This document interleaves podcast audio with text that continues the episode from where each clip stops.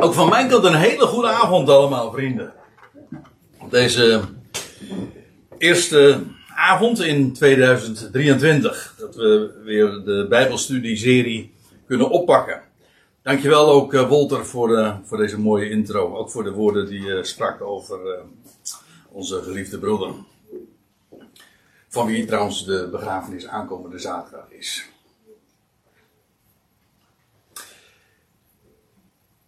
Wij gaan verder met, uh, met onze serie. En ik dacht in aanvang dat we vanavond uh, het laatste onderwerp, de, de, laatste keer over deze serie, over dit globale, leuk woord in dit geval, deze, dit thema zouden denken. Maar toen kwam ik erachter dat ik, dat ik zoveel diaatjes had, dat kon ik onmogelijk in één avond allemaal behandelen. Dus het worden er toch nog twee avonden in, in in 2023. Hè? Ja, dus we gaan uh, niet alleen vanavond, we gaan het ook de volgende keer nog over de onderwereld hebben. En als je dat woord uitspreekt, dan heb je de neiging om wat je stem te verlagen. Hoe zou dat toch komen? Wij gaan vanavond niet bedenken de dingen die boven zijn. Oei. Dat is toch eigenlijk wel het allermooiste om te doen. Maar ja, om te weten wat boven is, moet je ook weten wat beneden is. En in dit geval, het is meestal zo van boven in de hemel en beneden op aarde. Maar je kunt het nog, uh, nog anders uh, ook invullen. Namelijk dat je ook onder het aardoppervlak ook nog een wereld aan zich hebt. En dat is inderdaad het thema voor vanavond. En de volgende keer gaan we daar dus mee verder. Want het blijkt toch uh, veel omvangrijker te zijn dan uh, dat ik in, uh, in aanvang dacht. Maar dat, uh, dat heb je wel eens vaker als je met bijbelse dingen bezig bent. Nou, laat ik eerst even, u bent het van mij gewend, even terugblikken op wat we de voorgaande avonden gezien hebben, zodat we een klein beetje een, een algemeen beeld ook hebben van, van, van wat we tot dusver zo onze bevindingen waren.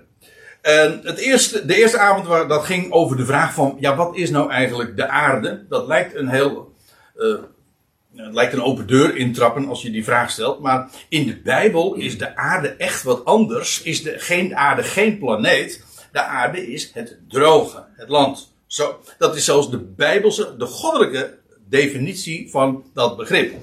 God noemde het droge, het land, aarde. Arets, land. En de aarde is in de Bijbel dus ook geen hemellichaam. Nou, dat, waren, dat was eigenlijk, om het even heel kort samen te vatten, dat wat we de eerste avond hebben gezien. De tweede avond hebben we ons meer gefocust op Genesis 1 en de wijze waarop we dat hebben te verstaan. Vooral hebben we toen ook stilgestaan bij de dagen in, in Genesis 1. En gezien dat die dagen niet zozeer de dagen van de schepping waren, maar de dagen waarin God zijn scheppingswoorden heeft uitgesproken en geopenbaard. Dat is iets heel anders. Zijn twee, of, ja, dat zijn twee verschillende dingen. God heeft zijn scheppingswoorden twee keer gesproken. Ooit bij de schepping zelf. En de tweede keer toen hij aan Adam, de mens, heeft verteld uh, wat hij ooit bij de schepping heeft gedaan. En daarover gaan die dagen. Dat zijn de dagen dus dat Adam, de mens, hoorden hoorde van de, van de, de scheppingswoorden die ooit hadden geklonken. Dat was een van de bevindingen en dat was toch wel. Nee, nou ik weet wel zeker voor verreweg de meeste mensen uh, behoorlijk nieuw en zelfs revolutionair. Dat moet je ook even helemaal goed laten bezinken voordat je dat uh, allemaal uh, hebt verwerkt. Trouwens, dat geldt voor het hele onderwerp wel hoor, moet ik erbij zeggen. Want als we het hebben over het, het Bijbels wereldbeeld. Hè, ik heb dat een beetje de, de, de pakkende titel gegeven van leert de Bijbel een platte aarde. Maar in het algemeen hebben we het gewoon over het wereldbeeld. Ik bedoel, of de Bijbelse, nog wat duurder, de Bijbelse kosmologie. Hoe steekt de kosmos in elkaar? En dan kijken we omhoog, en dan kijken we om ons heen, en dan kijken we naar beneden. Maar dat is het totaal, de wereld. Een van de dingen die we ook die tweede avond hebben gezien is, daar heb ik met name ook op gefocust, het uitspansel. Oftewel de hemelen. God noemde het uitspansel de hemelen. Dus die twee zijn inderdaad onderling uitwisselbaar. Waarbij we ook hebben gezien dat de hemelen een meervoudsvorm is. En omdat de Bijbel namelijk verschillende hemelen onderscheidt. Geen zeven, zoals uh, het uh, de gangbare gedachte is, maar wel drie. De eerste, de tweede en de Bijbel spreekt zelfs expliciet van de derde hemel. De derde avond, en die was misschien wel het meest revolutionair. sommige mensen waren er van ondersteboven en de meeste binnenste buiten, eigenlijk. Want uh, wat we zagen is dat in de Bijbel het uitspansel in het midden van de wateren werd gecreëerd. De hemelen staan centraal, het uitspansel. En dan krijg je een heel, echt een compleet binnenste buiten gekeerd wereldbeeld. Dat is niet wat wij zien, maar dat is Gods perceptie. En hoe die twee zich tot elkaar verhouden, daar hebben we ons mee bezig gehouden. Maar feitelijk is dat niet eens. En ik hoop dat dat de, de afdronk ook is geweest van de, de, laatste twee avonden. Namelijk dat het niet erom gaat of wij de dingen ook zo zien.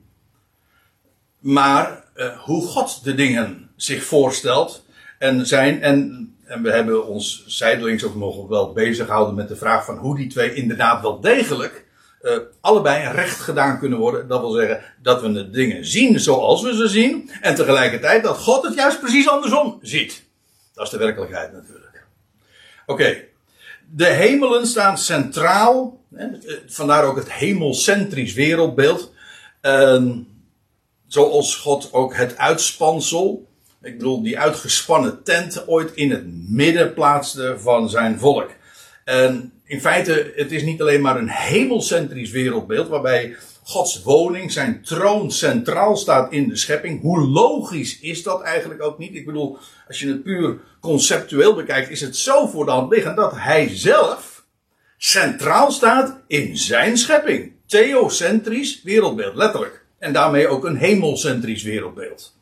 Want de hemel is de plaats waar zijn troon zich bevindt. En nou, de vorige avond, dat is dus een maand geleden inmiddels.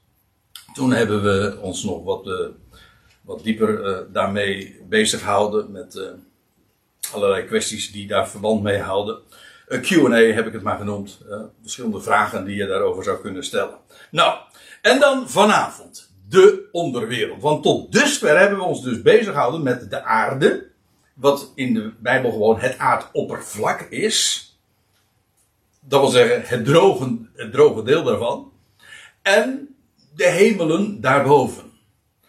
En ja, dan gaan we vanavond naar de onderwereld.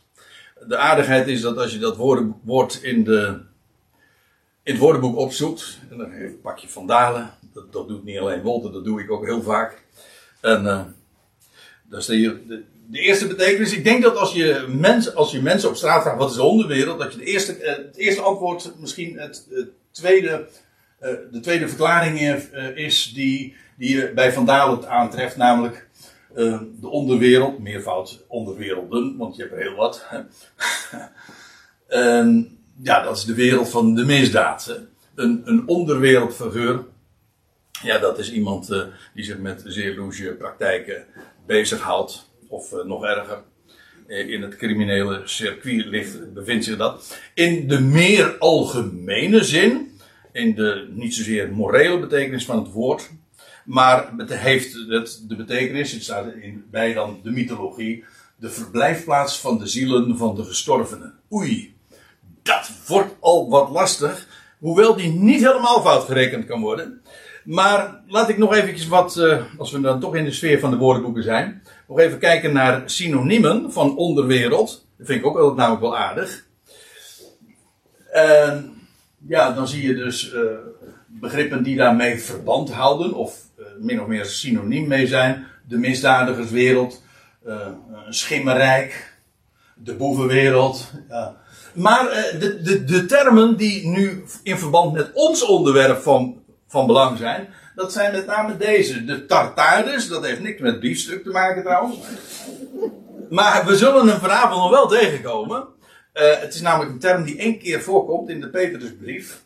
En dat zal later in de avond nog wel aan de orde komen. De Hades. Ook wel bekend als het dodenrijk. Dus ik kom daar straks op terug. En de hel. Uh, dat is meestal ook een van de begrippen die direct geassocieerd worden met ja, de onderwereld. Dat is de hel. En ja, met dat laatste hebben we natuurlijk uh, meteen een heel heftig onderwerp. Maar ik, uh, laat ik eerst even wat dingen wegstrepen. Om te beginnen, uh, de, dit, dat die Hades. Dat is een Grieks woord. Het Hebreeuwse woord daarvoor is Sheol. Dus uh, die beide begrippen kun je gewoon door elkaar gebruiken. Dat zijn de Bijbelse begrippen. Dus in het Oude Testament is er sprake van de Sheol. En het Nieuwe Testament van, van de Hades. Omdat dat in het, Nieuw, in het Grieks is geschreven. Meestal wordt het dan vertaald in de MBG dan met het Dodenrijk. En de plaats waar de doden zijn. Ik heb daar uh, wat problemen mee met dat woord. Omdat een dodenrijk suggereert dat het een georganiseerd geheel is waar de doden zich bewegen of uh, communiceren. Ja, want waarom zou het anders een rijk heten? En dat is helemaal niet de Bijbelse gedachte. Maar het klopt wel dat het de plaats is waar de doden zijn. Plaats tussen aanhalingstekens. En ho hoezo plaats tussen aanhalingstekens? Wel, uh, het heeft. Uh, voordat ik daar nog op inga. Het wordt ook geassocieerd, het dodenrijk, of de Hades, zoals u. Uh, met het graf. Wat vrij logisch is, want ja. Uh, en dan komen we trouwens echt onder de aarde. Ik zei al, de aarde is in feite het aardoppervlak, zodat degene die zich. die begraven is, het graf. Dat kan zelfs een spelonk zijn, want dat is ook onder de aarde. Toch? Ook als de aarde een beetje krom loopt en bergen heeft, dan. Uh, maar ook dan uh, is het, uh, het graf. En, en dat wordt dodenrijk, of Hades en, en, en, en het graf worden heel vaak geassocieerd. Wat ook vrij logisch is natuurlijk, want een mens overlijdt en komt in het graf. En daarmee ook onder de aarde terecht. En vandaar ook dat de Hades daarmee geassocieerd wordt. Ik heb expres even nog een paar schriftplaatsen bij vermeld. Niet om daarmee compleet te zijn, maar om aan te tonen dat dat inderdaad zo is zoals ik het nu zeg. En het is ook heel logisch natuurlijk. Maar voor degenen die dat uh, willen natrekken. En je, je leest trouwens ook in de Bijbel de, de van uh, dat mensen neerdalen in de Sheol. Dat is heel aardig, of nou ja, voor zover dat aardig is. Maar in ieder geval, uh, je leest van, van, van Jacob bijvoorbeeld dat als hij verneemt dat zijn zoon Jozef uh, is gestorven, denkt hij dan. Jacob denkt nog steeds dat de ware Jozef dood is. Nou, oké. Okay. Uh, laten we verder nu even niet op de typologische toer gaan, maar ik, ik heb hem dan toch eventjes doorgegeven. Da, maar dan hoort, dan zegt hij, rouwdragend zal, Genesis 37, rouwdragend zal ik tot mijn zoon in het in de Sheol, in het dodenrijk, neerdalen. En een van die, uh, van die gasten, nou, die, uh, ja, ik, ik, noem ze een beetje onaardig zo. Maar uh, je leest in, in nummer 16 die geschiedenis van Korach, Datan en Abiram. En die levend ter, in, het, in de Sheol neerdaalden.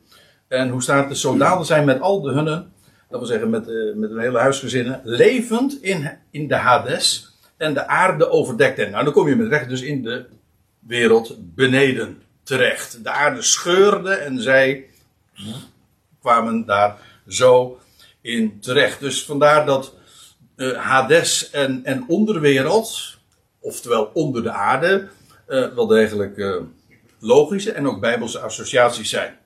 De aardigheid is, als je wil, echt wil weten wat het is, dat die woorden zelf al zoveel licht verspreiden over wat het nu eigenlijk is. Sheol, Sheol, dat is het Hebreeuwse woord, betekent letterlijk vraag.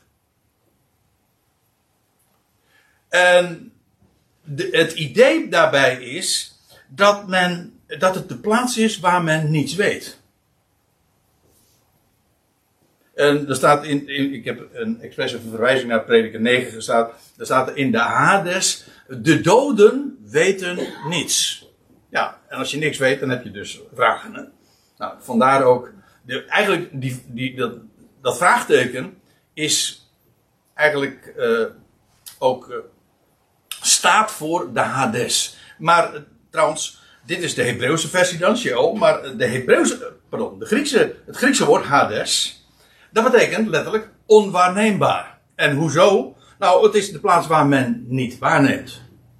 En dat staat in datzelfde prediker ook. Prediker 9. Trouwens, het hele boek Prediker getuigt op nogal wat plaatsen van, van wat de doden eigenlijk ja, beleven. Ik bedoel, in, in, de hele godsdienstige wereld is het zo dat eigenlijk dood ontkend wordt. De dood, men zegt eigenlijk, uh, dood is een andere vorm van leven. En degenen die overleden, die leven op een andere wijze voort. Dat staat haaks op de Bijbel. De Bijbel zegt, de doden leven niet. Niet op een andere wijze. De dood is tegenovergestelde van leven. Of de dood is juist de plaats waar geen leven is. Dat is daarom heet het ook dood. Dus, uh, en dat is, de doden weten niets. Uh, zij nemen ook niet waar. Er is geen overleg, geen kennis, geen werk in, het, in de Sheol, waarheen, gij gaat, waarheen wij gaan, zegt eh, de prediker dan in prediker 9 vers 10. Vandaar ook, het is de plaats waar men niet waarneemt. En vandaar ook dat het Hades heet. Dus het, dat woord zelf werpt licht op, op de, de essentie van wat het is. Dus ja, de, de Hades, dat is de plaats waar de doden zijn. Ja, inderdaad. Maar dan weet je ook meteen dat dood dood is. En dat is de Bijbelse, ja, de Bijbelse gedachte. En dat is buitengewoon belangrijk om te weten dat dood dood is. Want dan begrijp je ook waarom de waarheid van de opstanding zo essentieel is. Want buiten opstanding om is er geen hoop. De hoop verbindt de Bijbel altijd met de verwachting dat de doden, die van niks weten, ze zijn uit de tijd, zoals uh, zojuist uh, door Walter ook gezegd ze weten niks, er is geen kennis, er is geen overleg, maar de doden, God roept ze weer op zijn tijd, op zijn wijze, tot leven. En ja, dat is de Bijbelse verwachting. En dan zie je trouwens ook dat het hele concept van de Bijbel, van wat dood is en wat leven daarmee ook is, want dat is het contrast. Het ene, als je weet wat het ene is, dan weet je ook wat het andere is. En vice versa. Maar ja, dat staat zo haaks, is zo anders als wat mensen denken. Maar ja, goed, dat is. Uh, we hebben nu eigenlijk tot dusver eigenlijk alleen nog maar uh, ons met deze onderwerpen bezighouden. Ook als het gaat over de Bijbelse kosmologie. Het is zo totaal anders van wat, we, van wat je vanuit de mens gesproken zou denken. Trouwens, dan heb ik nog iets. En dat is dat die begrippen Sheol en Hades inderdaad hetzelfde zijn. In, dit woord LXX, dat is, dat is Latijn voor 70. Dat is een aanduiding van de Septuaginta, de, de Griekse vertaling van het Oude Testament. Daar wordt uh, het Hebreeuwse woord Sheol altijd vertaald met Hades. En dat zie je in het Nieuwe Testament ook terugkeren. En met opzet heb ik uh, even ook een verwijzing naar onder andere Handelingen 2, vers 31 geplaatst. Daar zie je dat ook. Dus uh, dat eventjes heel kort samenvattend over Hades. Inderdaad, dat heeft te maken met neerdalen, met de onderwereld. Maar ik zeg er meteen bij, de Bijbel is, de, is dat dus niet een rijk waar gecommuniceerd wordt, of waar een, een, een georganiseerd geheel, of voor mijn part een georganiseerde bende, dat kan ook nog namelijk. Hè. Dat is meestal zo als de mens iets gaat organiseren. Maar goed, ook beneden. Nee, dat is het niet dus. Hades is gewoon, dat is de plaats waar de doden zijn die niets weten. Ja. En niks uh, overleggen en niks waarnemen. Ja, en dan hebben we nog een woord, want ik zei zojuist al, de onderwereld. Een van de associaties, uh, of een van die synoniemen voor onderwereld is hel. Nou is er op zich uh, niet eens zo, dat vindt u misschien vreemd uit mijn uh, mond klinken, omdat ik daar vaak hele uh, onaardige dingen over zeg, maar laat ik dan ook nou eens eventjes aardig doen. het woord hel op zich heeft te maken nog weer met het werkwoord helen. En dat betekent, ja, dat zegt dat is over onderwereld gesproken. Hè. maar helen is eigenlijk iets, de, iets verbergen, zodat het niet gezien wordt. En vandaar ook de, de, de originele gedachte ooit van het dodenrijk, dat is de plaats waar, waar eh, die verborgen is en waar ja, dus ook niks gezien wordt. En, en dat, dat, daar, daar zou dat nog mee te maken hebben. Maar terwijl ik het zeg, uh, wil ik meteen even, want wat ik nu zeg is tamelijk onbekend. De hel, ja, waar, waar associeer je dat mee? Uh, nou, in, als u staat. Ik, ik, eh, de Statenvertaling is uh, over het algemeen een, best wel een, een, concordante vertaling. Of in ieder geval, geeft daar veel. Is vrij letterlijk weergegeven. Maar als het gaat om het woordje hel, hebben ze er een potje van gemaakt. Echt vreselijk.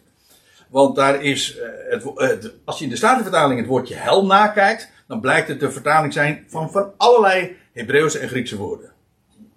En zoek het dan nog maar eens een keertje uit. Want als Hades, het dodenrijk, wordt weergegeven met hel.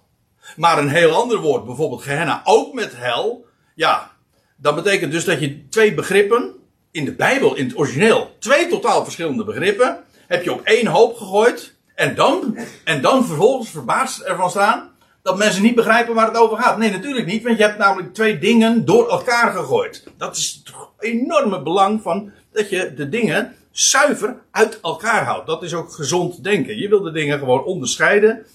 Eh, zoals de Bijbelse, zoals God ze eh, vanuit het origineel onderscheidt. Oké, in, de, in de NBG is een stuk beter. Maar ze hadden het hele woord hel zou helemaal geen plaats in de Bijbel mogen hebben. Waarom niet? Nou, de reden daarvoor is zo klaar als een klontje. Echt. Namelijk, er is in, in de MBG-vertaling, die is de vertaling die ik zelf meestal gebruik. In, trouwens, eh, de, in de nieuwste vertaling, die ik nooit gebruik en ook niet ga gebruiken, maar één ding moet ze nageven, daar is het woordje hel helemaal verdwenen. Ja. En daar is het, het woord wat in de NBG 51 nog weergegeven is met hel, dat komt twaalf keer voor. In, uh, in onze Bijbel, in het Nieuwe Testament. In de, en de nieuwste vertaling, de NBV, wordt, het uh, wordt dat woord hel altijd weergegeven met Gehenna. En dat is correct. Waarom is het correct? Omdat dat nou precies het woord is wat in het Grieks ook staat. Het is zelfs niet eens een vertaling. Het is gewoon de, de, het is gewoon de weergave van wat. Het is namelijk een plaatsnaam. Gehenna is een plaatsnaam. En uh, het is namelijk ge, Gehenna. Uh, dat is de Griekse uitspraak van, uh, van een Hebreeuws woord. En dat is Gai Hinnom. Als je een beetje. Je begrijpt. Je ziet dat hè, in talen die. Als je iets op het moment dat je een woord overzet in een andere taal. klinkt het altijd anders. Dat heb je zelfs al met Nederlands en Duits. Laat staan met talen die verder van elkaar verwijderd zijn. En uh, ik, had, ik heb jarenlang heb ik aan Polen les gegeven. En dan dus, dus noemde ik wel eens een keertje van, die, van een bepaald woord wat ik dan in het Pools las. En dan sprak ik dat uit en dan bleek het bij benadering zelfs er niet eens op te lijken. Ja, zo gaat dat. Maar goed, de Griekse uitspraak van, van, van, van, van het Hebreeuwse woord Gehenom, dat is dus Gehenna. En dat is een plaats. Een plaatsnaam.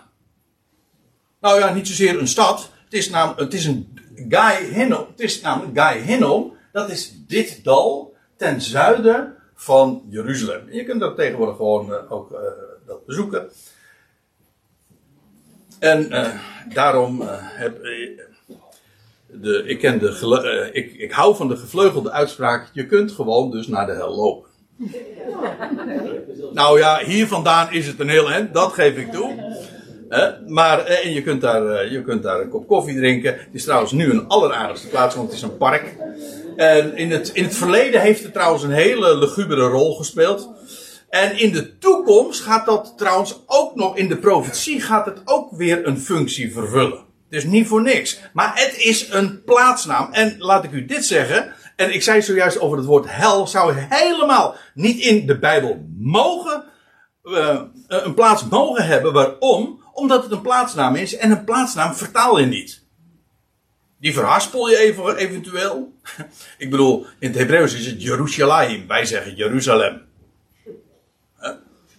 En, uh, en wij zeggen uh, Bethlehem, maar in, in, in, het Hebreeuws zeggen ze Bethlehem. Of, nou ja, u begrijpt het. Allerlei plaatsnamen klinken anders. Wij zeggen Peking, in, in China zeggen ze Beijing. Of zoiets, toch? maar het principe van een plaatsnaam is, je vertaalt het niet. Vandaar dan gewoon is het Jeruzalem, Nazareth, Bethlehem. Al die plaatsen blijven gewoon gelijk. Die vertaal je niet, die geef je gewoon op je, in jouw taal weer. En dus zouden wij bij een zuivere Bijbel helemaal geen eens een hel hebben. Moet je nagaan. En dan te bedenken dat er zo enorm veel mensen eh, zondag in, zondag uit bang gemaakt worden voor een plaats die in de schrift geen enkele recht van bestaan heeft. Dat is gewoon een vaststelling. Iedereen kan het nagaan. En, uh, en dus, want we hebben het nog steeds over het onderwerp, uh, onder, over, dat, dat, dat onder, over die onderwereld. Maar ja, goed, als je Gehenna daarmee associeert, dan zeg ik fout. Dat is niet juist. Waarom niet? Omdat Gehenna namelijk niet de onderwereld is, gewoon, Gehenna is namelijk gewoon een plek op aarde. En niet in de onderwereld en ook niet onder de aarde. Dus hel en onderwereld. Nee, dat uh, klopt van geen kant. En als u denkt dat wat ik nu vertel, dat dat een, uh, een, een uitvinding is voor mijzelf of zo, ga het maar na. Je kunt het overal natrekken. Pak een concordantie. Van, pak van mijn part Wikipedia. En daar zie je bij Gehenna uh, wat het is. Het is gehen. En nou ja, de, de, de, de omschrijving vind je erbij. Uh, dit was een beruchte plek omdat daar in de tijd van de koningen kinderoffers werden gebracht aan Moloch. Tegenwoordig is het, en zo eindigt dan, een, uh, is het dal een park en een onderdeel van de voorstad van Jeruzalem. En zo is dat. Dus geen onderwereld.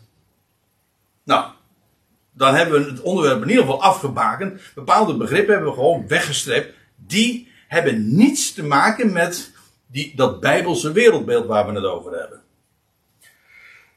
Oké, nou, dan hebben we het in ieder geval wat, uh, wat, wat scherper gesteld.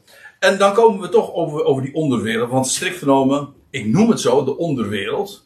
Maar de echt bijbelse term daarvoor is abusos. Ja, u ja, zo hoor je nog eens wat Grieks en Hebreeuws. Kun je het allemaal nog volgen? Ja, toch?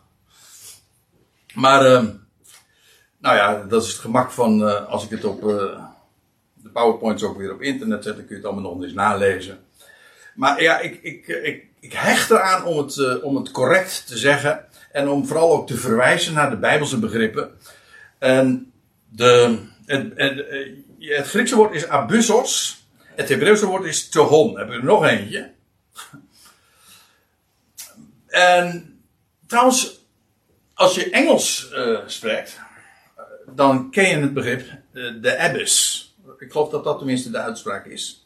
Dan, dat is vrijwel, uh, dat is eigenlijk weer een verhaspeling, van het Griekse woord abyssos. De abyss, dat is gewoon, dat, is, ik zeg gewoon, dat is de afgrond. En uh, ik zat, ik, juist van de week was ik in, in, verband met de voorbereiding van vanavond.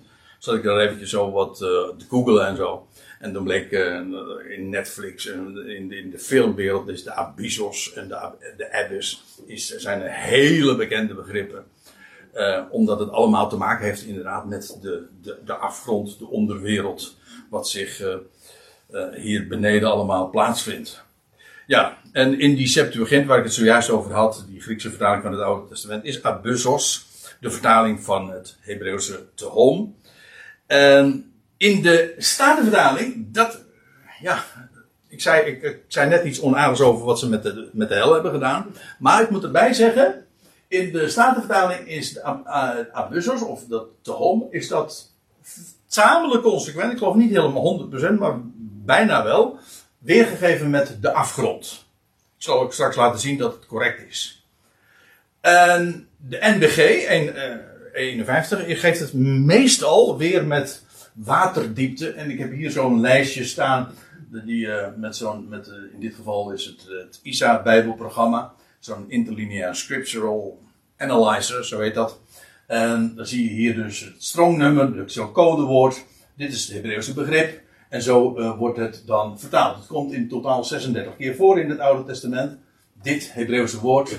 En dan zie je hier dus in deze kolom de wijze waarop de NBG dat heeft weergegeven. Met vloed, waterdiepten, zo één keer met de oceaan, watervloed, eh, de kolken. Ja. Kijk, het mooiste is als je gewoon, eh, zoals in dit geval, dit is een concordante weergave, die geeft het altijd weer met waterdiepte. In onze varianten gewoon consequent. Dat is het mooiste. Dat is het allermooiste. Waarom? Omdat je dan geen begrippen uh, verward. Want ja, als je het ene keer met waterdiepte vertaalt en de andere keer met, met watervloed en de andere keer weer met oceaan, dan zie je niet de connectie. Als je bijbelstudie doet. Ziet u? Dus, uh, dus vandaar uh, dat, dat hier op deze plaats vaak gehamerd wordt op het belang van een concordante vertaling. Dat wil zeggen eensluidende weergave. Ik weet het, dat kan niet altijd, want het taal eigen uh, vereist soms variatie. Maar dat is wel het ideaal waar je naar zou moeten streven. En waar een Bijbelstudent gewoon van nature uh, aan gehecht is. Natuurlijk. Want je wil weten, niet wat vertalers van een bepaald begrip vinden, maar wat het woord wat God zelf gebruikt heeft. En waarmee hij de schrift heeft laten optekenen.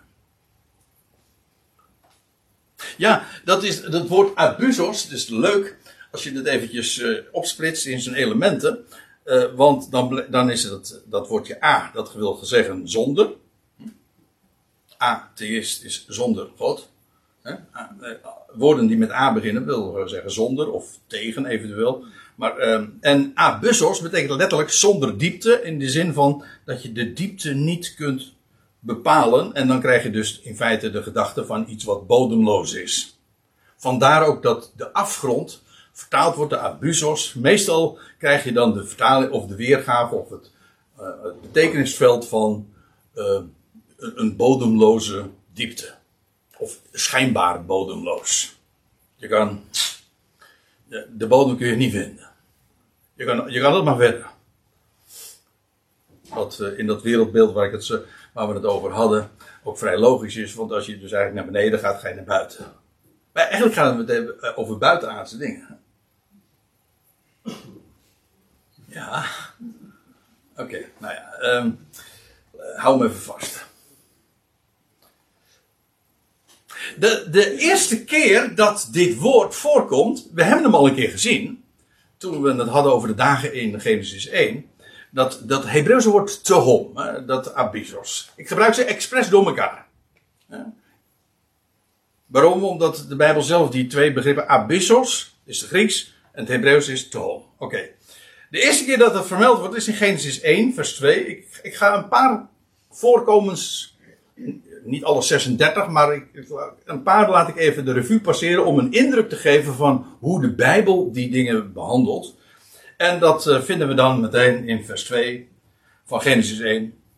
In, de in het begin schiep God de hemel en de aarde. En de aarde was, of eventueel werd, chaos en leegte, woest en ledig, zeggen de meeste vertalingen. En duisternis was over het aangezicht of over de oppervlakte van de afgrond. In het Grieks staat hier abusos.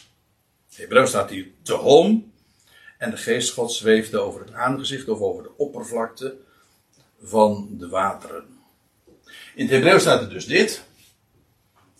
Dit is de Hebreeuws. En in de Griekse versie, de Griekse vertaling, staat er dus dit: abusos, waterdiepte of afgrond.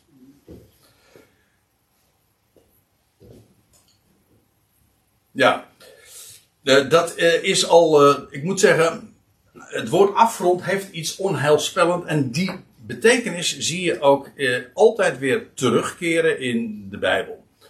dat als je inderdaad onder het aardoppervlak komt, dan kom je in een, in een enorme diepte. Eh, laten we nog eens wat andere schriftplaatsen daarover zien. Genesis 7, ik, ik meen dat dat inderdaad ook de tweede keer is dat het woordje tehom, abusos, gebruikt wordt. En dat is net, of bij gelegenheid van die grote watervloed die duizenden jaren geleden over de aarde heeft plaatsgevonden. En dat was in het, ja ja, in het 600ste levensjaar van Noach. Ja, dan denk je als je 62 bent dat je al heel wat uh, jaartjes erop hebt zitten. Dat ben ik dus, ja. Uh, maar, nou ja, goed. Noach was dus tien keer ouder, ja. Toen, ja, in het 600ste jaar van het leven van Noach, in de tweede maand, op de 17e dag van de maand, aha, dan weten we dus wanneer dat begon. Op die dag werden alle bronnen van de grote afgrond opengebroken en de sluizen van de hemel. Dus we kijken, worden nou eigenlijk uh, in twee richtingen worden, worden we bepaald. In de eerste plaats uh, de bronnen van de grote afgrond werden opengebroken en de sluizen van de hemel, dat is naar boven dus, die werden uh, geopend.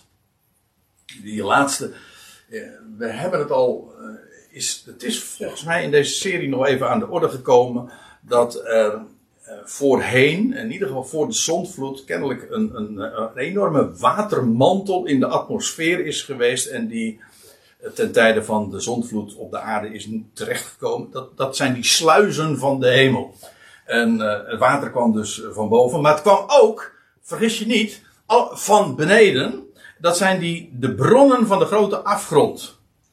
Eh, zo uh, wordt het hier genoemd. De immense van de grote afgrond. Oftewel dat Tehom of eh, de Abyssos. En dat betekent dat die afgrond, die waterdiepte, ook nog bronnen kennen. En dat zijn waterreservoirs onder de oceanen nog. Dus je hebt aan de ene kant die waterdiepte, maar die hebben ook bronnen waaruit dat nog weer voorkomt. En ik heb me de laatste tijd uh, daar nog eens in verdiept. En jaren geleden, al jaren geleden, toen we hier bezig waren met die serie over het boek Openbaring. En de volgende keer zal het waarschijnlijk nog wel eventjes weer terugkomen. Toen, uh, toen hadden we het over de put van de afgrond. Openbaring 9. Ja, dat is zeker. Dat gaat de volgende keer weer aan de orde komen.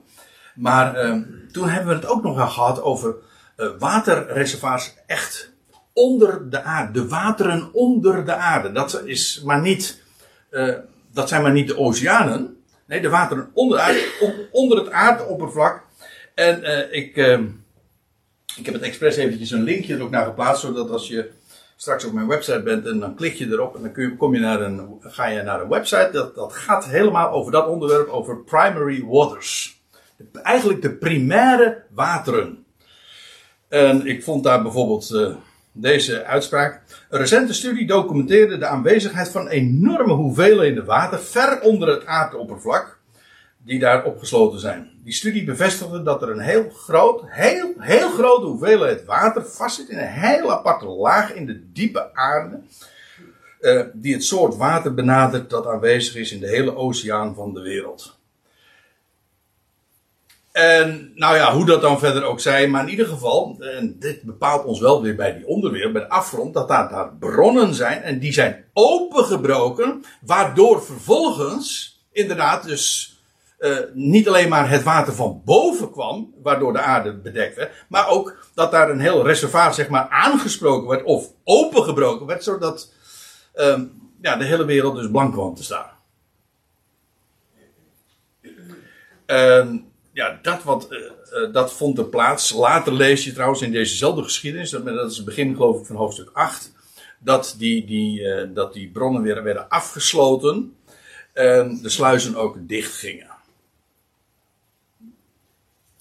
Maar die, die, die afgrond die is dus inderdaad geopend, is geopend, die werd opengebroken bij gelegenheid dus van de, van de grote vloed, de zondvloed, ja. Nog eentje. Ligt, ligt bij mij dat, ik, dat het zo? Hier? Het is warm hier, hè? Ik denk, zit ik me hier nou zo warm te maken? Over die, over die uh, afgrond. Komt, komt het daar allemaal uit, uh, van beneden? Of? En, en dat terwijl we zo zijn of we moeten zijn op de, op de energie. Een beetje.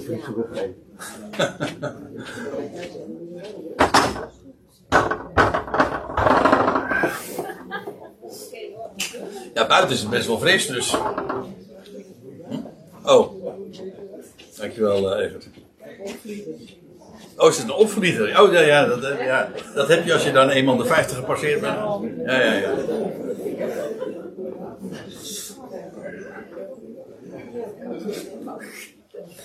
Uh, er is nog zo'n plaat. Uh, ik, het is niet geheel willekeurig, maar ik heb zo gewoon wat, wat schriftplaatsen bij elkaar gesprokkeld. Die toch een, in het algemeen een indruk geven van wat in dit geval dan in het Hebreeuws, in de, in de Hebreeuwse Bijbel, verstaan wordt onder die, dat tehom of over die abusers of de afgrond, zo u wilt.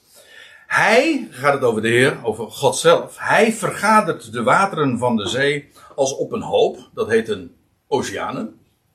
Ja, dat is waar de, de wateren bij elkaar gekomen. We zagen dat trouwens ook al in Genesis 1. Hij noemde de, de verzamelde wateren zeeën. Oké, hij en wie doet dat? Ja, dat is trouwens, heeft ook alles te maken met de zondvloed en de continentvorming. Want dat is allemaal van, origine, van origine is, heeft al die continenten bij elkaar gelegen. Maar in ieder geval, daar zijn oceanen ontstaan en die zeeën, de wateren van de zee zijn verzameld. En hij staat er ook bij, min of meer als parallel lopend, maar het is niet identiek. Hij stelt de afgronden in schatkamers. Dat klinkt uh, nogal cryptisch. Maar de afgronden, dat is trouwens meervoud. Abusos is dus, kan ook dus een meervoud zijn. Zoals we ook al hadden over de onderwereld, maar je kan ook spreken over onderwerelden. En dat geldt met dat woordje, de abusus ook, wordt heel vaak in meervoud ook eh, weergegeven. En MBG geeft hier ook weer waterdiepten. De schatkamers, en dat bepaalt ons eigenlijk weer bij dezelfde gedachte, dat zijn die reservoirs of wateropslagplaatsen. Uh, waar, uh, dus, dat zijn dus die, ja, dat zijn de schatkamers. Dat, waar het bewaard wordt. Waar, uh, want dat is wat een schatkamer toch is. De, de afgrond wordt bewaard, dat wil zeggen dat wat zich daarin bevindt, de wateren, die worden bewaard daar in, in ruimtes onder, in, ja, onder het aardoppervlak. De wateren onder de aarde. Zo, zo wordt daar ook uh, over in Genesis, in Exodus 20 over gesproken. voor uh, mensen die vertrouwd zijn met de tien woorden en die dat elke zondag horen voorlezen door de dominee. En dan lees je over uh, nog, van wat boven in de hemel, nog van wat op de aarde, nog van wat onder de water, beneden. Goh, dat moet ik even goed zeggen. Hè? Onder de, in, in de water is onder de aarde. Ja. Nog hetgeen is uh, in de wateren onder de aarde. Zo was die, ja. Goh, moet er weer wat bijgespijkerd worden. Toch ben ik blij dat, uh, nou ja, dat ik niet onder de wet ben. Oké. Dan heb ik er nog één. De, eh, nog één in de psalmen. In de psalmen komt het trouwens vaak, uh, wordt vaak verwezen naar die afgrond. Uh, ja, de Heer. Hij doet al wat hem behaagt. Oh, ja, je zou er stil bij moeten eh, staan, hè? stil bij blijven staan. Hij doet al wat hem behaagt. Waar? In de hemelen en op de aarde, in de zeeën en alle.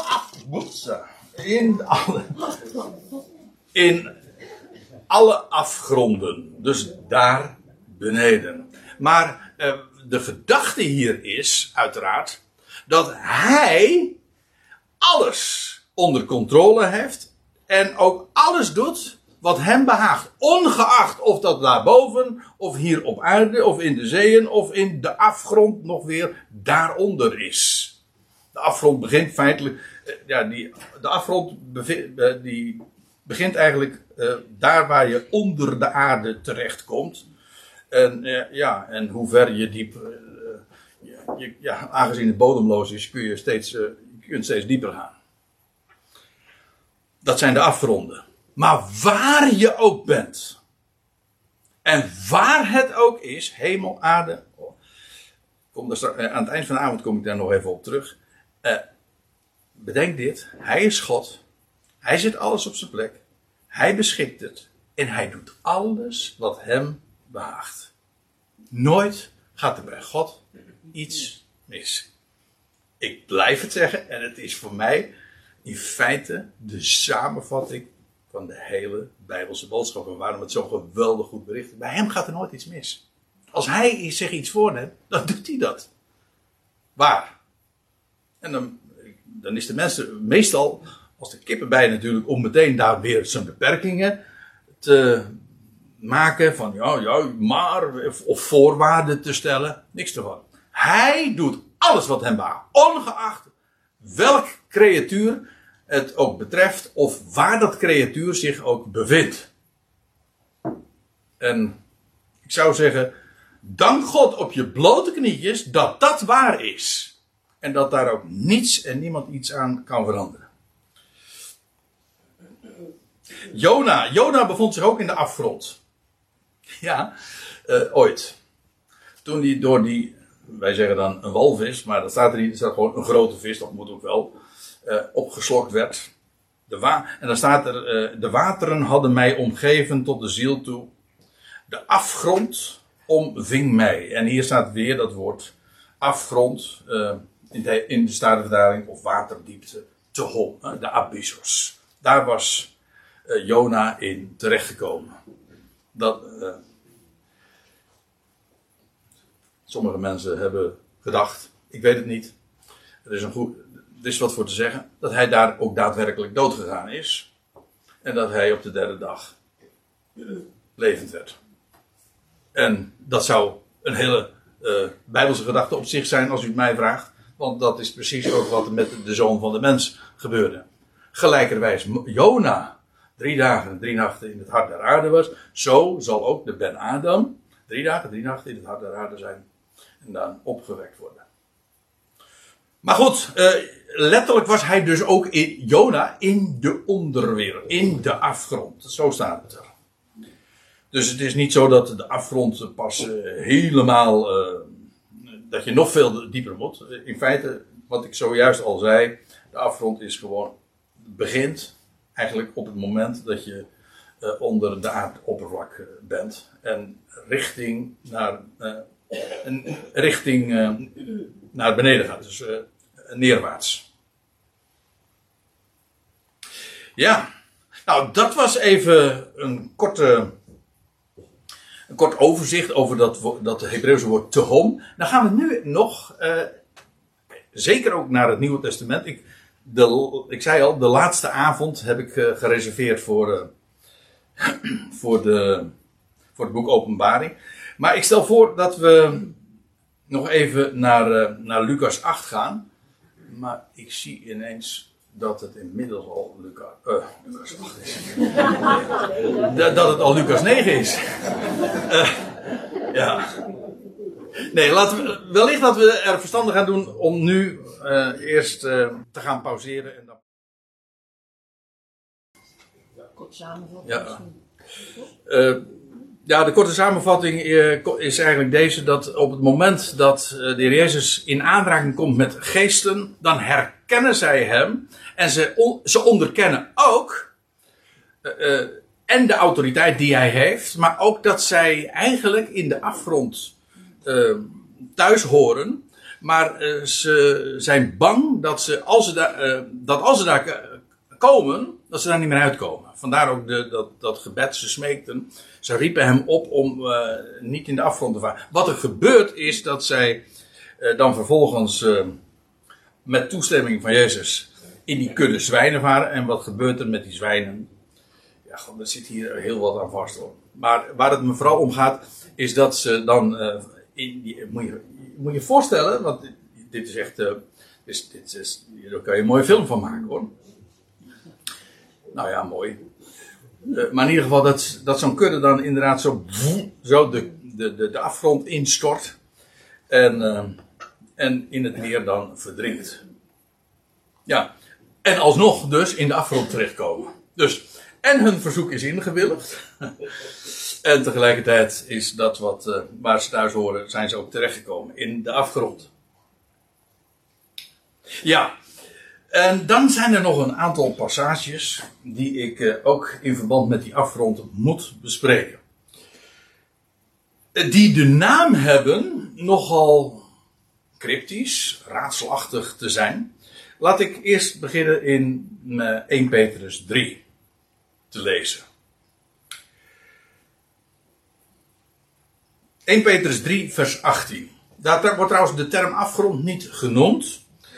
Maar eh, waarom ik er dan toch in dit verband eh, er, er die link leg, eh, dat wordt vanzelf wel duidelijk. Er staat dit in vers 18. Ik lees eh, ja, vanaf vers 18. Want ook Christus, en dan sla ik even een groot gedeelte van de zin over. Want ook Christus, ten dood, ten dood gebracht in vlees. Het is zo'n wat letterlijke weergave. Ten dood gebracht in vlees, maar levend gemaakt in geest. Dus naar het vlees werd hij gedood, maar vervolgens werd hij geestelijk, dat wil zeggen door Gods geest, werd hij opgewekt, levend gemaakt. En dan staat er waarin hij ook heen gegaan is, aan geesten in de gevangenis proclameerde, of herauten, of eh MBG-vertaling zegt gepredikt heeft. Dit is een tekst die, eh, ja, waar heel vaak over gespeculeerd wordt. In de eerste plaats, wat men heel vaak denkt, of zoals men het leest, en dan lees je echt heel slordig, is de gedachte dat de Jezus na zijn sterven, het, het, het is zelfs ook nog wel ontleend ook aan de, de, de, de zogenaamde twaalf artikelen des geloofs, eh, dat Jezus is gestorven onder Pontius Pilatus, is gekruist en begraven, staat er. Nee, ne- nedergedaald ter helle. Ja, en dat hij daar in die hel gepredikt heeft in de gevangenis aan de geest. Eh, Waarmee je trouwens nog geen antwoord hebt op de vraag van wat die geesten dan zijn en wel, eh, waar, ze dan, eh, waar ze dan, eh, waar dat ermee te maken heeft. Maar goed, het gaat nu eventjes om het punt. Dat de Heer Jezus dus aan de geesten in de gevangenis op de een of andere wijze iets geproclameerd heeft, geherouwd heeft of iets medegedeeld heeft. En, maar dat dat zou zijn tussen zijn sterven en opstanding is absoluut uitgesloten. Eh, Dat heeft ook alles weer te maken met dat bekende misverstand dat alom ook in de christelijke wereld gewoon eh, terecht is gekomen. Want die hele leer van de onsterfelijke ziel, een mens sterft niet echt, want, want zijn, ziel, zijn ziel is onsterfelijk. En dus leef je gewoon op een andere manier voort. Dat betekent dus dat Jezus niet echt gestorven is. Ja, als Jezus niet. Maar in dat geval zou hij natuurlijk ook, als hij niet echt gestorven is, zou hij dus elders gepredikt kunnen hebben. Dus ik begrijp op zich wel dat als jij natuurlijk leeft, of, of met die in de, in de gedachte eh, meegaat van een onsterfelijke ziel, dat je ook ontvankelijk bent voor het idee dat Jezus tussen zijn sterven en opstanding ook eh, nog het een en ander gedaan heeft. Een van de bekende leringen daarvan is bijvoorbeeld dat hij naar het paradijs is gegaan. En dat wordt dan weer ontleend aan, eh, aan wat die moordenaar op het kruis dan tegen gezegd wordt. Heden zeggen, heden zult gij met mij in het paradijs zijn. Maar ik, zou, ik vertel u, dat staat er niet. Er staat, ik zeg u heden, je zult met mij in het paradijs zijn. Ja, het is heel simpel, maar het is een kwestie van de, de, de komma één woordje verplaatsen en dan krijg je een heel andere zin. Het is niet, ik zeg u heden. Het is, het, pardon, ik zeg u, heden zult gij met mij in het paradijs zijn, maar het, ik zeg u heden, je zult met mij in het paradijs zijn. is een, is een heel een totaal andere gedachtegang. Maar goed. Dat staat, er staat hier dus ook niet dat de Heer Jezus in- tijdens zijn tussen sterven en opstanding is heen gegaan en gepredikt heeft aan geesten in de gevangenis. Maar hij werd ter dood gebracht in vlees, levend gemaakt in geest, waarin, dat wil zeggen in de geest, is hij heen gegaan. En aan geesten in de gevangenis proclameerde hij. Dit gaat over dat wat er gebeurde nadat hij levend gemaakt werd. En dat hij in, een geest, in een werkelijk concreet lichaam, maar wel dat niet meer gedomineerd wordt door vlees, maar door spirit. Een, een levend gemaakte, een, een geest, een pneumatisch lichaam. Niet meer een psychisch lichaam, maar een pneumatisch lichaam. Oké, aan geesten in de gevangenis heeft hij gepro- geproclameerd. En nou komt de volgende vraag, want dat is natuurlijk in dit verband het meest interessante. Dat is, welke geesten? Geesten in de gevangenis? Eh, maar over welke geesten hebben we dan? Nou, het staat er meteen achter. Die eens geesten in de gevangenis proclameerden, die eens ongezeggelijk waren. Wie, wie, over wie gaat dat? Nou, over die geesten die in de gevangenis zijn. Toen het geduld van God afwachtte in de dagen van Noach, terwijl de ark toebereid werd. Kijk, waar het over gaat is dit. Je hebt in Genesis 6 die merkwaardige geschiedenis van de zonen Gods. Die huwden, nee, niet huwden, die gemeenschap hadden met de dochters van Adam. Dat was de directe aanleiding ook voor de zondvloed. De grote vloed in de dagen van Noach. Er vond, eh, dit is erg onbekend. En het wordt meestal wegverklaard. Maar zo wordt het echt eh, beschreven. De zonen gods hadden gemeenschap met de dochters van Adam. En dat betekent ook dat de hele de mensheid werd genetisch verdorven.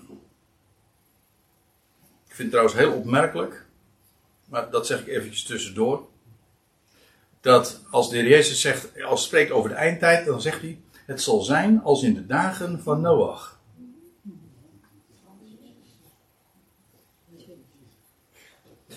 De, wat er vandaag allemaal. Ge, eh, ik wou een eh, woord gebruiken dat ik hier in, niet wil gebruiken. Maar hoe er vandaag eh, met, ook genetisch gemanipuleerd wordt.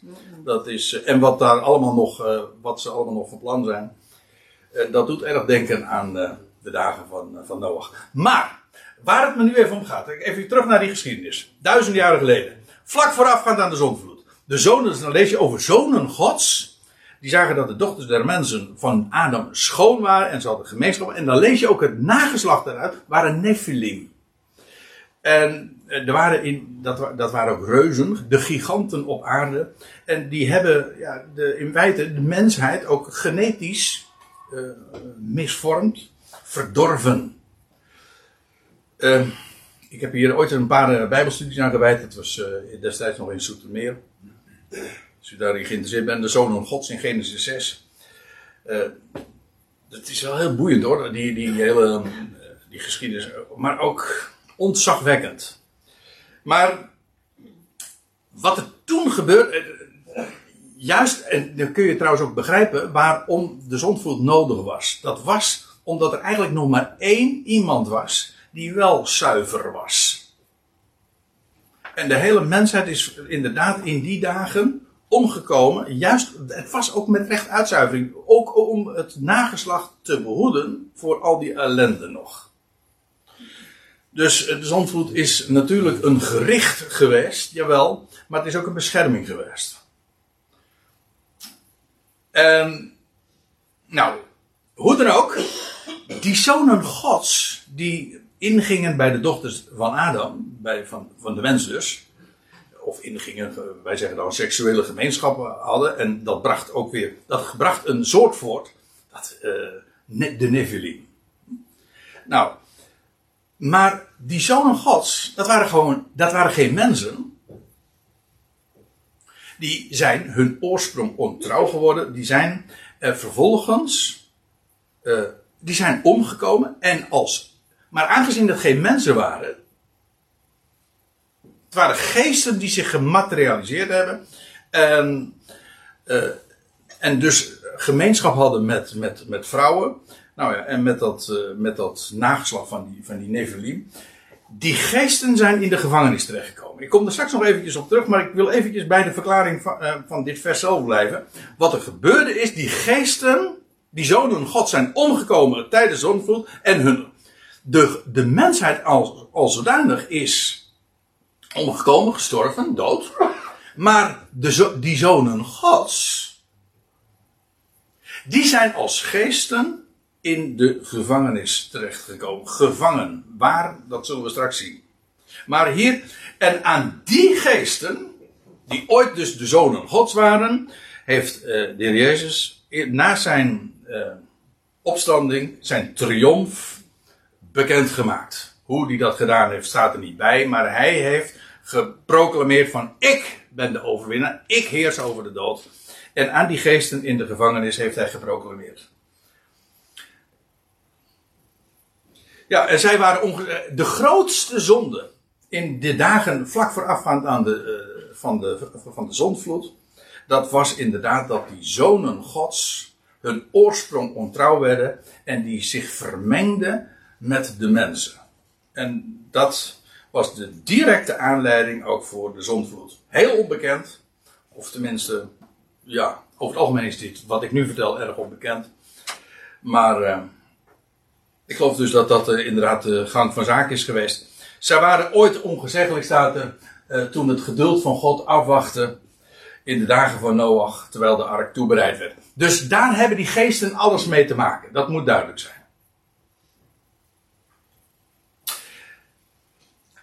Er zijn in feite drie schriftplaatsen in het Nieuwe Testament die allemaal over die geschiedenis gaan. En dat is nog één, de engelen in de, daar hebben we hem, de Tartaars. Ja, en nou gaan we naar de tweede Petrusbrief. Eerst hadden we het dus over 1 Petrus 1, eh, pardon, 1 Petrus 3. Nu de tweede brief, de laatste brief die Petrus heeft geschreven. En dan zegt hij dit, want indien God engelen die zondigden niet spaarde, maar met touwen van duisternis in de Tartaris wierp. De Tartaris is eigenlijk een Griekse term voor een speciale plek in de afgrond waar engelen bewaard worden. En ook gevangen gehouden worden. Hoe staat het in de. Ja, in de. En de vertaling staat door hen in de afgrond te werpen. En dat klopt wel, maar het is een hele speciale term daarvoor. En misschien ook wel een speciale plaats in de afgrond, daar blijf ik vanaf. Maar in ieder geval, uh, hier wordt gesproken over God heeft engelen die zondigden een doel misten. Ze deden iets wat in ieder geval dus helemaal niet raak was. En God heeft hen niet gespaard, maar heeft hen met touwen of met banden van duisternis, duistere banden, um, in de Tataars, in de afgrond geworpen. En overgeleverd om bewaard te worden voor het oordeel. In feite zijn ze alleen nog maar in hechtenis. In voorlopige hechtenis. Um, zij worden daar bewaard. Uh, daar in die afgrond. En dit zijn dus diezelfde, dit zijn diezelfde engelen als in 1 Petrus 3. Uh, want uh, waarom? Hoe weet ik dat? Omdat het namelijk ook over de tijd van Noah gaat. Kijk maar na. Of kijk maar in 2 Petrus. En de wereld van de oertijd, van de voortijd, zegt de, de, een andere vertaling. De wereld van de voortijd niet spaarde. Maar het achttal van Noach, prediker van rechtvaardigheid, behoede voor de overstroming die hij bracht over de wereld van oneerbiedigen. Wat letterlijk een vertaling, maar de, de gedachte is heel, uh, heel helder. Het gaat hier over engelen die aan de ene kant dus zondigden. Die zijn niet gespaard, maar ze zijn in de afgrond geworpen. Dat zijn die geesten in de gevangenis. Dat waren die zonen gods. Die uh, zich ten onrechte en volstrekt misplaatst vermengden met vrouwen. En waardoor er een heel onverdorven, gemixt en uh, gedegenereerd mensengeslacht, zeg maar, ontstond. En in die tijd, dat was de aanleiding voor uh, het feit dat de wereld in de dagen van Noach uh, ver, verdorven, niet gespaard werd. En slechts een achttal. God, God, ging weer met een hele nieuwe rest verder. Met een achttal. En namelijk met Noach. Die was een prediker van rechtvaardigheid. Nou, dat is dat oordeel wat over de, wat toen heeft plaatsgevonden. En dan heb ik er nog één. En in feite moet ik. Ik zei al, er zijn drie schriftplaatsen die over die geschiedenis gaan. Die allemaal te maken hebben met hoe de vorige aion, want dat is eigenlijk de gedachte, die, die hele wereldtijd is toen beëindigd in de dagen van Noach. En God ging weer verder met een achttal. En waarom was dat? Nou, dat heeft alles te maken met engelen die on, uh, hun oorsprong ontrouw werden en, en zondigden. En nou, die zijn, aangezien het ook geen mensen waren, stierven zij ook niet. Ja, ze kwamen weliswaar om, maar hun geesten zijn vervolgens nog een eh, etage lager gegaan, om zo te zeggen. Ze zijn in de afgrond terechtgekomen en daar worden ze bewaard. Heel bewust. Vandaar ook dat er aan hen gepredikt kon worden. En de triomf, eh, daarvan zijn ze op de hoogte. Ja, en dan ga ik dus nog naar een andere schriftplaats. Naar uh, Judas. Dus 1 Petrus hebben we gehad, 2 Petrus en nu Judas. En ook Judas gaat weer over exact diezelfde geschiedenis. En ik val midden in de zin. In vers 6, en daar, staat, daar gaat het over de Heer die bovendien engelen. Boodschappers, het gaat hier over hemelse boodschappers, dat, dat zien we in het verband. Die bovendien engelen die hun oorsprong niet bewaarden, maar hun eigen woning achterlieten. Maar hier hebben we dezelfde gedachte dus. Die zonen gods die iets deden, die gingen naar een plaats waar ze niet thuis hoorden. Of in ieder geval vermengden ze zich met, met, uh, met een soort wat helemaal niet bij hen hoorde. En ze werden dus, ze, ze bewaarden hun oorsprong niet. Ze deden niet wat waar ze. Ik bedoel, God uh, heeft de soorten niet voor niks gemaakt, alles naar zijn aard. En dat dingen moeten niet vermengd worden. En in dit geval hebben engelen hun, hebben hun oorsprong niet bewaard. Ze hebben hun woning achtergelaten. En, die is, en dan staat um, zegt Judas, nou ooit is het al dus gebeurd dat engelen die hun oorsprong niet bewaarden, maar hun eigen woning achterlieten. En die worden voor het oordeel van de grote dag, en dat is nog steeds toekomstig, ze worden, Waar bevinden ze zich? In onwaarneembare boeien. Die, ze worden daar weliswaar dus geboeid. En, eh, en gevangen gehouden. De geest in de gevangenis. Ze worden daar bewaard. Maar we zien dat niet. Ik bedoel, in de afgrond. Vandaar ook, het is inderdaad met recht een duistere wereld.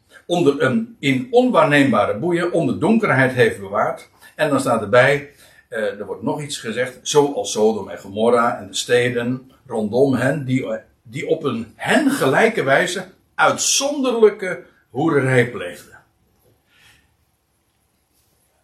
Je zou het even in, in zijn heel uh, de zin moeten lezen, maar waar het over gaat is dit. Is dat God die engelen die een oorsprong niet bewaard hebben, uh, die heeft hij uh, vervolgens in, die worden nu bewaard in de, in de duisternis, worden daar gevangen gehouden. En dan wordt dit vergeleken met wat er ooit plaatsvond met Sodom en Gomorra. Daar aan de zuidkant van uh, wat nu de Dode Zee heet. En de steden daaromheen, dat was ooit een geweldige groene vlakte. Zo mooi dat zelfs Lot dacht van, daar, dat stuk, dat wil ik hebben. Nou, daar kwam hij later achter dat dat toch niet zo'n verstandige keuze was. Maar goed, Sodom en Gomorra en de steden rondom hem, die, eh, die uh, op een hen gelijkende wijze, dat wil zeggen, die op de, soortgelijke wijze als die engelen waar we het zojuist over hadden, uitzonderlijke hoerderij pleegden. Hoezo uitzonderlijke hoerderij? Nou, er staat erbij, en andersoortig vlees achterna liepen. Of achterna gingen. Maar dit is precies waar het over gaat. We weten die geschiedenis van Sodom en Gomorra. In Genesis 19, 18, 19 wordt er vermeld over over, daar ging het trouwens ook over engelen. Die op bezoek kwamen. Bij Lot. En dat de mannen van de stad gemeenschap met hen wilden hebben. Het is een hele, over duistere praktijken gesproken. Ik bedoel, wij, hebben daar. Uh, goh, wat je, als je het nieuws aanzet, dan kom je. Dan hoor je nog eens wat, hè. En dan lees je, en dan hoor je van, van, zulke afschuwelijke, lugubere, macabere, echt echt duistere praktijken. Maar het is niet van gisteren hoor.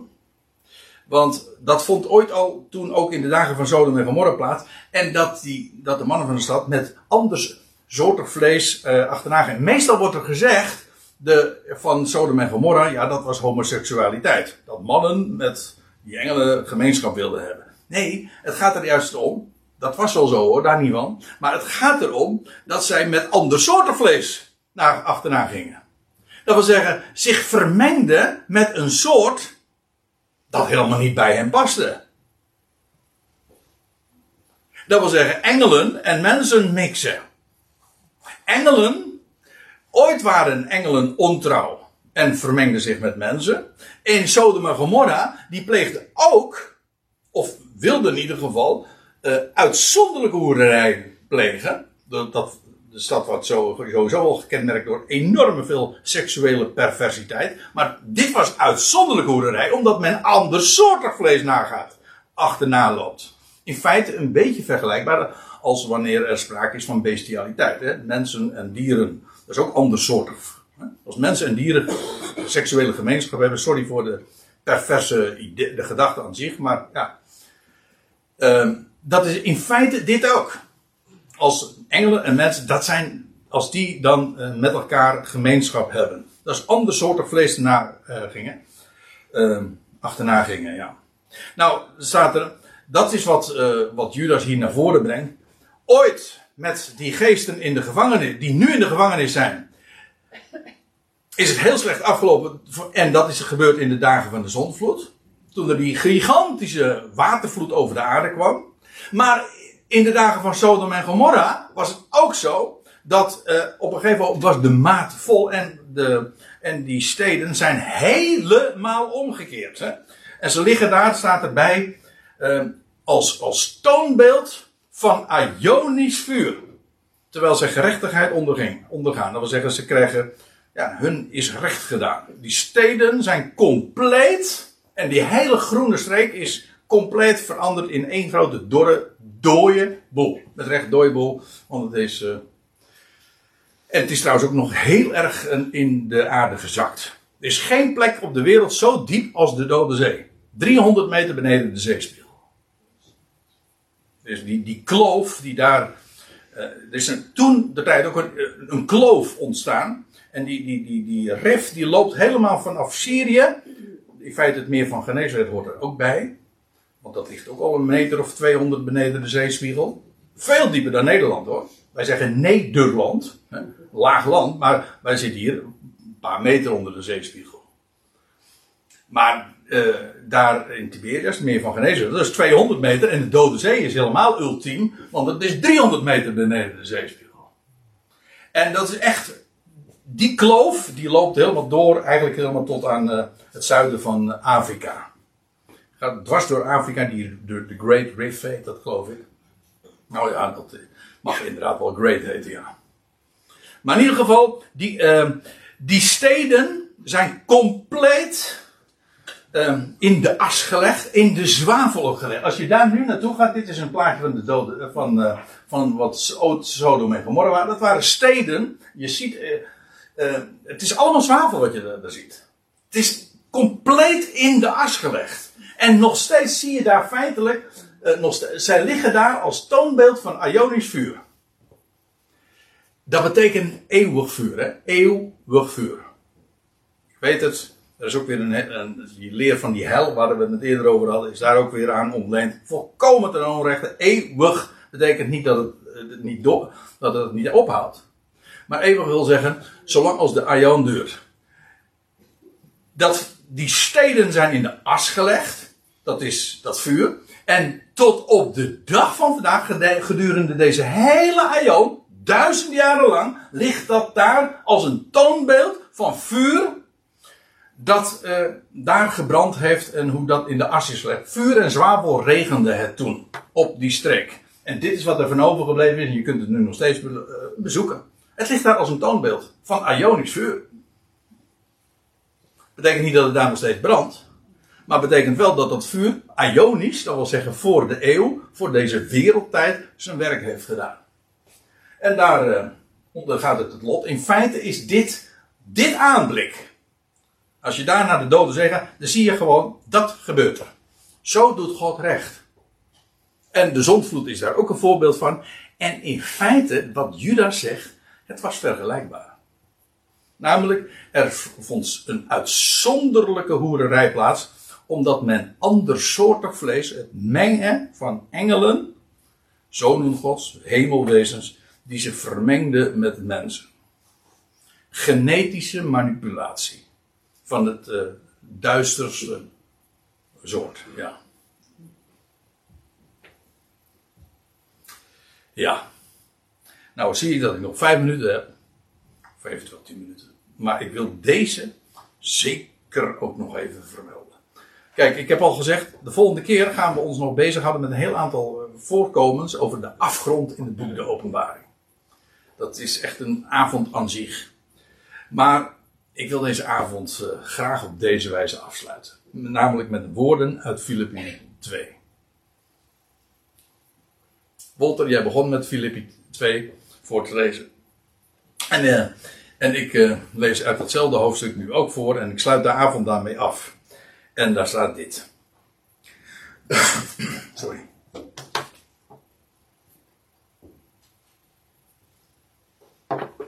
Het gaat daar over de gezindheid van Christus Jezus die zich ontledigd heeft in de gestalte van Gods. Uh, hij is nu in de gestalte Gods, maar hij heeft de gestalte van een slaaf aangenomen en heeft zich vernederd tot de dood, ja, tot de dood van het kruis. Nou, dat is het voorafgaande. En dan staat er, daarom ook verhoogt God hem uitermate. En uitermate moet je dat letterlijk lezen. Tot de uiterste maat. Zoals hij zich tot het uiterste vernederd heeft. Tot de dood. Ja, ja tot de dood van het kruis. De meest, uh, de meest vernederende dood die je maar kunt voorstellen. Die weg is hij gegaan. Daarom ook verhoogt God hem uitermate en hij schenkt hem in genade. Hij geeft dat. De Heer Jezus heeft dat niet gezocht. Hij heeft zichzelf weggecijferd. Hij heeft zichzelf weggecijferd, hij heeft zichzelf vernederd, hij heeft zichzelf ontledigd. Maar God heeft hem geschonken en de, en de naam boven alle naam. Gewoon zijn eigen naam. Heeft hij aan hem geschonken. Opdat in de naam van Jezus. Sorry alle knie zou buigen. Ja, hij heeft hem de naam boven alle naam geschonken. En dat is de naam van Jezus. In de naam, want Jezus betekent Yahweh, red. Wie is Yahweh? Dat is God die redt. Wie? Nou, je moet eigenlijk anders vragen, wie niet? Antwoord is iedereen. Iedereen. Wat betekent dat? Elk creatuur. Yahweh, hij redt iedereen. God, er staat zelfs, dit is namelijk ook weer ontleend of uh, gebaseerd op woorden uit Jesaja 45 waar, waar, waar God zegt, God zweert daar zelfs. Dat doet hij niet vaak. Een paar keer in de Bijbel lees je dat God zweert, een eetzweer. Hij zweert, hij zweert dat voor hem alle knie zal buigen. En hier staat dat het in de naam van Jezus zal zijn. Jawel, red. En, en waarom lees ik dit nou voor in verband met ons onderwerp? Nou, daar staat er namelijk bij. Opdat in de naam van Jezus alle knie zal buigen van hemelsen. Daar hebben we het, over het wereldbeeld gesproken van hemelsen. Dit gaat trouwens in dit geval niet zozeer over de plaats, als wel de, de bewoners van die plaatsen. De hemelsen, de aardsen, of eigenlijk de ophemelsen, de opaardsen. Wij bevinden ons op aarde. De hemelsen, de aardsen en de onderaardsen. Dat zijn de drie etages, zeg maar, waar de schrift over spreekt. Dan heb je echt alles gehad. De hemelsen, daarboven, ongeacht waar dat dan ook zij de aardsen en de onderaardsen. Wat daaronder de aarde ook is, of je kan daaronder kun je opvat, verstaan. De geesten die daar bewaard worden, die ook trouwens nog geoordeeld zullen worden, jawel, maar en trouwens ook alle onderaardse, je kunt daar ook onder verstaan, degene die onder de aarde, dat wil zeggen begraven zijn, die zich nu van niks bewust zijn. Nee, dat is waar. Maar al die, ook alles wat zich onder, in de onderwereld bevindt, onder de aarde, alle onderaardse, net zo goed als alle aardse, als alle hemelsen, dus elk creatuur, elke knie gaat buigen en staat alle tong zal instemmen dat Jezus Christus Heer is. Curios. Hij is degene die, wiens naam betekent Yahweh red, en hij is Heer. En dat wil zeggen, via hem gaat God ook zijn plan vervullen. Namelijk redden. En hij heeft de naam ontvangen boven alle naam. En als God ook verschijnt, dan is dat in hem. God is de onzienlijke God. En Jezus Christus is zijn icoon. Is, is het beeld van de onzienlijke God. Ja, en alle tong zal instemmen dat Jezus Christus Heer is tot heerlijkheid van God de Vader. Ik vind het zo geweldig om eigenlijk om, om dit onderwerp van, he, van onderaardsen, aardsen en hemelsen, om dat op deze wijze af te sluiten. Oké, we gaan nog verder, de volgende keer over het boek Openbaring. Maar weet dit. Ik vind het zo belangrijk. Want je kunt natuurlijk van alles zeggen over de onderwereld en over hoe de wereld in elkaar steekt. Ja, maar ik vind het aller, allerbelangrijkste dat je weet dat welke creatuur ook, waar ze zich ook bevinden, op welke etage ze ook zijn, bewust of onbewust, dat maakt ook al geen bal uit. Elk creatuur gaat van harte instemmen, want hier wordt een woord gebruikt, instemmen. Hier staat het woord eh, staat ex homologeo. En dat is een woord. Normale woord voor beleiden is homologeo. Wil zeggen hetzelfde zeggen. Ze zullen instemmen met. Ja, maar er wordt hier nog een, een voorzetsel bij voorgebruikt. Ex. En ex betekent. Expressie betekent van binnenuit. Ex. Hè? Ex. Orbitant. Ex, eh, er zijn zoveel termen die met ex beginnen. Maar betekent vanuit. En dat betekent, het komt van binnenuit. Van binnenuit. Vandaar ook dat niet elke, er staat hier ook niet dat elke lip dat zal beleiden. Het is geen lippendienst, elke tong. Is de binnenkant. Elke tong gaat zeggen, zal getuigen. Dus wie, de, tegen iedereen kan je dit zeggen. Hè? Dit is universeel. Dit is een evangelie wat je aan iedereen vertelt. Weet je dat? Je, je gelooft het niet. Je wil het misschien niet erkennen. Maar er gaat een moment komen, ooit dat is de uiteindelijke afsluiting van, van de hele huisgeschiedenis. Al Gods wegen lopen daarop uit dat ook jouw knieën gaan buigen en jouw tong zal zeggen: Hij is Heer. En dat zal tot heerlijkheid van God zijn, die de Vader is van heel zijn schepping. En dan zijn we inderdaad weer terug bij af. Dat wil zeggen, alles is uit hem en dan is ook alles weer tot in hem. En daarom is het waar wat we al eerder vanavond zagen. Hij doet alles wat hem behaagt. Bij hem gaat er nooit iets mis. En hij, door alles heen, door diepe wegen heen, letterlijk, hè, via de onderwereld, en via de meest macabere wegen die God kiest, ondoorgrondelijk. Maar de uitkomst is absoluut vast en zo grandioos. Er kan niemand ook maar aan tippen. Oh, en dat is zo geweldig.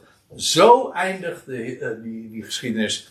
En als we het hebben over de onderaardsen, hoe gaat het uiteindelijk met hen aflopen? Via gericht, jazeker. Ik, want het is helemaal geen zoetsappig verhaal, hè, wat ik vertel. Ik, ik, hoop dat ik duidelijk gemaakt heb toen ik het had over de zondvloed en over Sodom en Gomorra. Dan praten we niet over zoetsappige gebeurtenissen. Dit, zijn echt, dit is echt heftig hoor.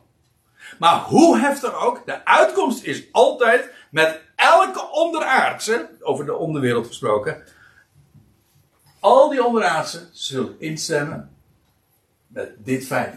Jezus, Jawel is hier tot heerlijkheid van God de Vader. En daar zeg ik nu Amen, Amen op. Ja. En dan de volgende keer mag ik aankondigen bij deze, maar dat had ik al gedaan. Deel 6. En dat zal de afsluiting zijn. Dat beloof ik u bij deze.